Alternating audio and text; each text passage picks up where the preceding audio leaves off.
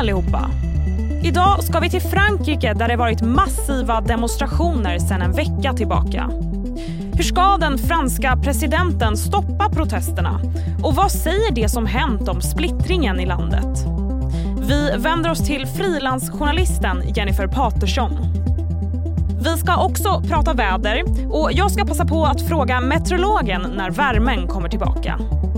Som vanligt får du även de senaste nyheterna här i Läget, Expressens dagliga nyhetspodd med mig, Sally Sjöberg. Vi ska börja med att prata om förra veckans koranbränning i Sverige som fortsätter att väcka reaktioner världen över. Nu rapporteras det att påven Franciscus fördömer aktionen. Reuters rapporterar att påven känner ilska över det som hänt och avsky inför att aktionen tilläts som en form av yttrandefrihet. En lång rad muslimska länder har också fördömt händelsen och Saudiarabien kallar upp sin svenska ambassadör med anledning av koranbränningen. Det här enligt landets statliga nyhetsbyrå. Nu till gårdagens klimataktion under Bauhausgalan i Stockholm.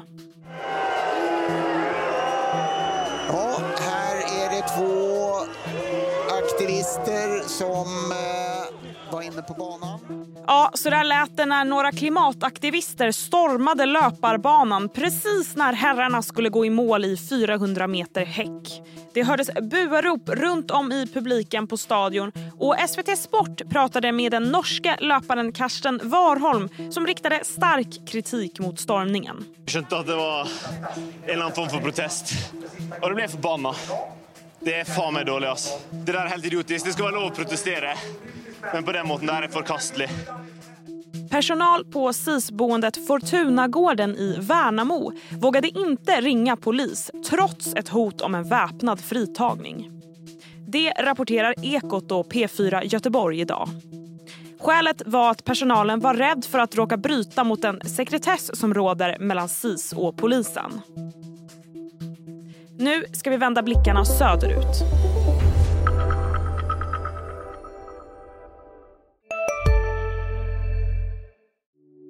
Hej, Ulf Kristersson här.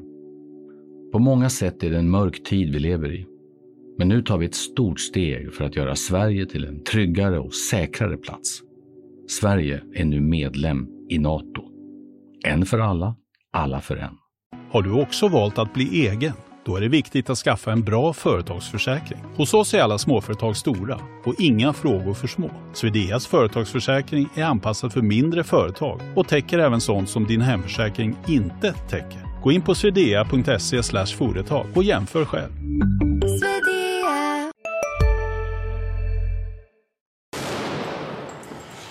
Det har utspelats kaotiska scener runt om i Frankrike de senaste dygnen. Bilar har bränts, affärer har slagits sönder, plundring av både lyxbutiker och vanliga butiker. Vi ska nu prata om oroligheterna i Frankrike. Startskottet var ju i tisdags förra veckan när 17-åriga Nael sköts ihjäl av polis vid en trafikkontroll. Sen dess har läget varit allvarligt i landet. Det talas om tusentals gripna och 45 000 poliser som satts in för att försöka stoppa kaoset. Jag har nu ringt upp Jennifer Paterson, frilansjournalist på plats i södra Frankrike som bevakat de här protesterna senaste veckan. Jennifer, hur har natten varit? Det har rapporterats om att det har varit lite lugnare. Ja men det stämmer. Det har varit den första kan man väl säga på riktigt lugnare natten här i Frankrike. Man har nu pratat om att det är 159 stycken gripna personer, den senaste siffran som man har sagt, att jämföra med eh, de, det antalet gripna som var igår där det var strax över 700 och de de kvällar det har varit som mest kravaller så har det varit upp mot 1300 eller strax över gripna. Så absolut, det har varit en lugnare natt men med det sagt så har det varit ett stort antal bränder och ett stort antal ändå eh, sammandrabbningar mellan polis och demonstranter. Men, men absolut mindre våldsamt än vad vi har sett tidigare. Och hur stora växlar kan man dra på det att det har blivit lugnare nu? Då? Är de här demonstrationerna avblåsta nu eller vad kan man säga? Nej, det är de ju definitivt inte. Det är ju väldigt svårt, det är såklart en, en, stor och viktig fråga men det är väldigt svårt att i nuläget säga vad, vad fortsättningen kommer vara. Men det man, man kan svara då är ju att eh, myndigheterna här i Frankrike på inget sätt upplever att det här nu är en tillbakagång eller att man känner att det börjar lugna ner sig för de fortsätter ta det här på fullaste allvar med de här våldsamheterna och går själva inte ner i bemanning om vi ska kalla det det. För man har ju sett på, på tidigare, vid tidigare tillfällen när man har haft stora upplopp i Frankrike att det kan tändas en ny gnista av något slag som gör att det blossar upp på nytt. Och både idag och imorgon ska ju den franska presidenten hålla möten med anledning av det här. V vad handlar det om för möten? Ja, men Macron han vill ju verkligen visa att han tar tag i den här frågan på allra, alla möjliga sätt. Att han är närvarande och att han lyssnar på, på människor och på andra politiker i, i det här sammanhanget. Och det det ska handla om just idag är att han ska träffa de stora cheferna, kan vi kalla det, ordförande för senaten och för nationalförsamlingen för att diskutera såklart åtgärder gällande de här våldsamheterna med de två viktiga personerna. Eh, och sen imorgon så är det ett väldigt stort möte som vi kommer se med landets alla borgmästare, 220 stycken, där man då ska ha ett möte hos Macron på Élysée-palatset för att återigen då prata om, om åtgärder, vad man kan göra för att få stopp på de här våldsamheterna. Man kan säga lite kort när det kommer just till borgmästarna att de har varit en väldigt, väldigt utsatt grupp här nu under den senaste veckan. Eh, jag hörde här alldeles för en stund sedan att det har varit över 500 attacker mot just borgmästarhus och, och borgmästare och ni har säkert hört talas om den här eh, väldigt stora attacken som var nu, eh, inte i natt men natten dessförinnan mot en borgmästares hus strax söder om Paris där det var en bil som rammade in en, en grind till det här huset.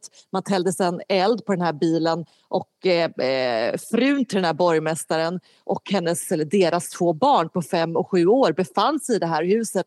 Så ja, en, en, det är flera viktiga möten som kommer hända de här närmsta dagarna helt enkelt. Och hur viktigt är det för presidenten att det här lugnar ner sig på riktigt? Det är klart att det är oerhört viktigt. Det är viktigt för presidenten, det är viktigt för, för hela landet. För att det är ju många människor som lider väldigt, väldigt illa av den förstörelse och det våld. Eh, det är ju människor som till och med har dött de här senaste dagarna. Plus att det såklart blir en splittring i, i landet. Det, det pågår ju olika analyser, jag vet att vi ska komma till det lite senare också. Men anledningen bakom den här upploppen och att det sätter olika grupper mot varandra. Det är såklart att det också för Macrons del är någonting som man, som man vill få stopp på och samla, samla landet igen. Ja, som du sa, det talas om en splittring. Hur mycket bottnar den här veckans protester i just händelsen kring Nael? Eller kan man tala om ett större perspektiv här? Ja, men det kan man absolut göra. Sen exakt eh, vad det större perspektivet är, det finns det ju då olika åsikter om. Men, men det man kan sammanfatta lite grann är att man till en början när det var den här skjutningen och de första kravellerna som skedde där samma dag och kanske dagen efter, då pratade man om det enbart som en som eh, upplopp riktade mot polisvåld och rasism inom poliskåren. Men allt efter att dagarna har gått här så har man börjat prata om att nej, men det här, det här handlar inte enbart om det. Också de personerna som har gripits, och det har nu börjat komma några första eh, straff då, personer som har dömts för olika saker som har, som har varit ute i de här upploppen. Det är flera av dem, till och med väldigt många, som inte överhuvudtaget har nämnt Nael som en anledning, ett motiv till varför de har varit ute på gatorna. Så det man också pratar om då är att det här på något vis handlar om ett utanförskap för de här personerna som bor som sagt ofta i förortsområden. Man har sagt att där kravallerna har varit som störst är just i fattiga områden i, i Frankrike eh, och att de här personerna inte känner att de hör till eller att de blir lyssnade på. Man hör också människor som pratar om att eh, de inte har tillräckligt mycket pengar, att det är därför som man ser de här plundringarna så mycket som pågår just nu också. Att det helt enkelt handlar om att de, de vill också ha Nike-skor, de vill också ha kläder från de här olika affärerna som har plundrats. Att det finns det perspektivet, eh, en form av en fattigdomsfråga eh, är det också någonting som man pratar om. Ja, och vad kan det säga om hur splittrat Frankrike är? Det säger ju ganska mycket om hur splittrat Frankrike är och det kan man också se i den politiska debatten att det är ju väldigt olika åsikter kring det här och vad man ska dra för slutsatser om man ser från eh, den eh, vänstersidan med eh, Jean-Luc Mélenchon i spetsen som också fått ta väldigt mycket kritik de senaste dagarna för att han inte tydligt har uppmanat folk att sluta med det här våldet. Och sen så har vi då på en, en högersida Eh, där man såklart återigen, eller såklart, men då blir det den här typen av argument som vi har hört tidigare att man har misslyckats med immigrationen eh, och att eh, de här personerna eh, helt enkelt vanhärdar Frankrike skulle man, skulle man kunna kalla det. Så det blir, det blir väldigt mycket en stark politisk debatt som blommar upp såklart då i en sån här händelse där folk tycker väldigt, väldigt olika. Tack så mycket Jennifer. Nu blir det fler nyheter. Idag öppnar Gröna Lund för första gången sedan dödsolyckan under midsommarhelgen. Mellan klockan 15 och 19 håller parken öppet som en så kallad promenadpark. Inga karuseller eller butiker kommer vara öppna. På onsdag är planen att parken ska öppna på riktigt men utan jetline som kommer hålla stängt resten av sommaren. Kanske minns ni Karina Bergfeldts omsnackade intervju med Mikael Bindefeld i hennes talkshow. I den här intervjun så pratade Bindefeld om hur han skaffat barn genom att använda en surrogatmamma.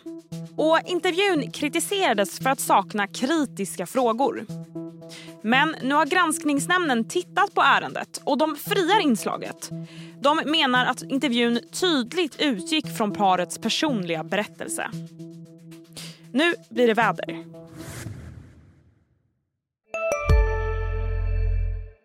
Hej, Synoptik här. Hos oss får du hjälp med att ta hand om din ögonhälsa. Med vår synundersökning kan vi upptäcka både synförändringar och tecken på vanliga ögonsjukdomar. Boka tid på synoptik.se.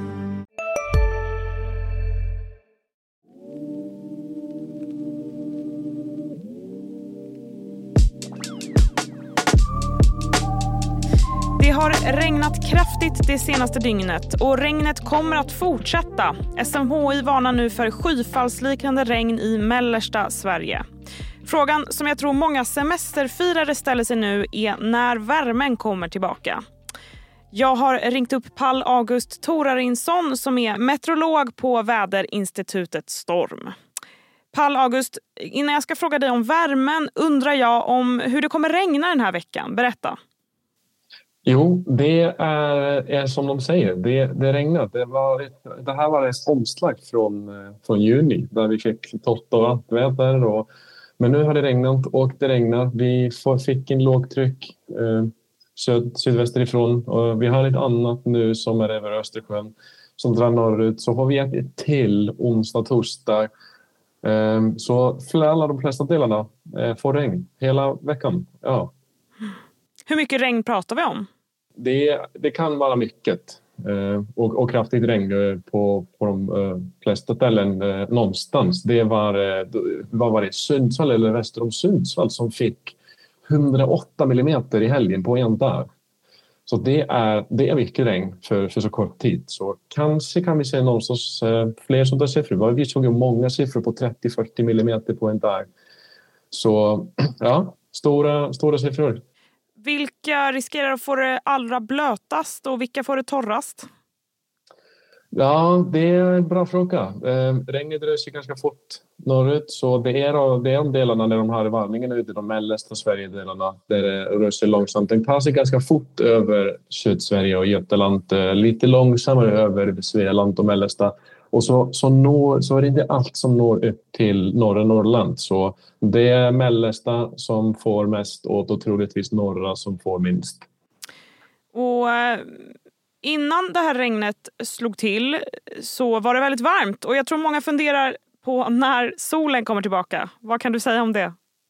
Ja, det är exakt. Vi, det finns massa sol, men uh, inte, inte på markerna där vi står. Och, uh, det, temperaturerna har fallit, det, man känns kallare när det är fuktigt. Och, och det är det egentligen. Vi, vi fick många, många dagar med över högsommarvärme och så plötsligt nu handlar det om, om 15 till 17 grader eller, eller mindre än det i regnet.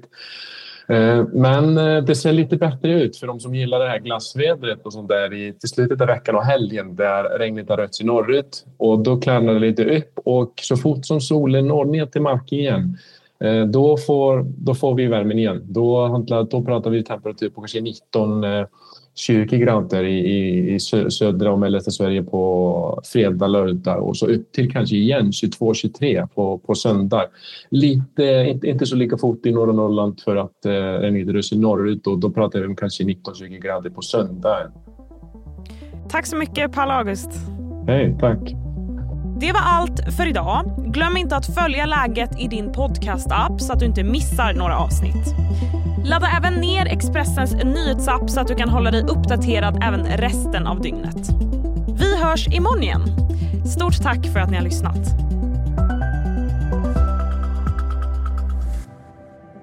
Du har lyssnat på en podcast från Expressen. Ansvarig utgivare Klas Granström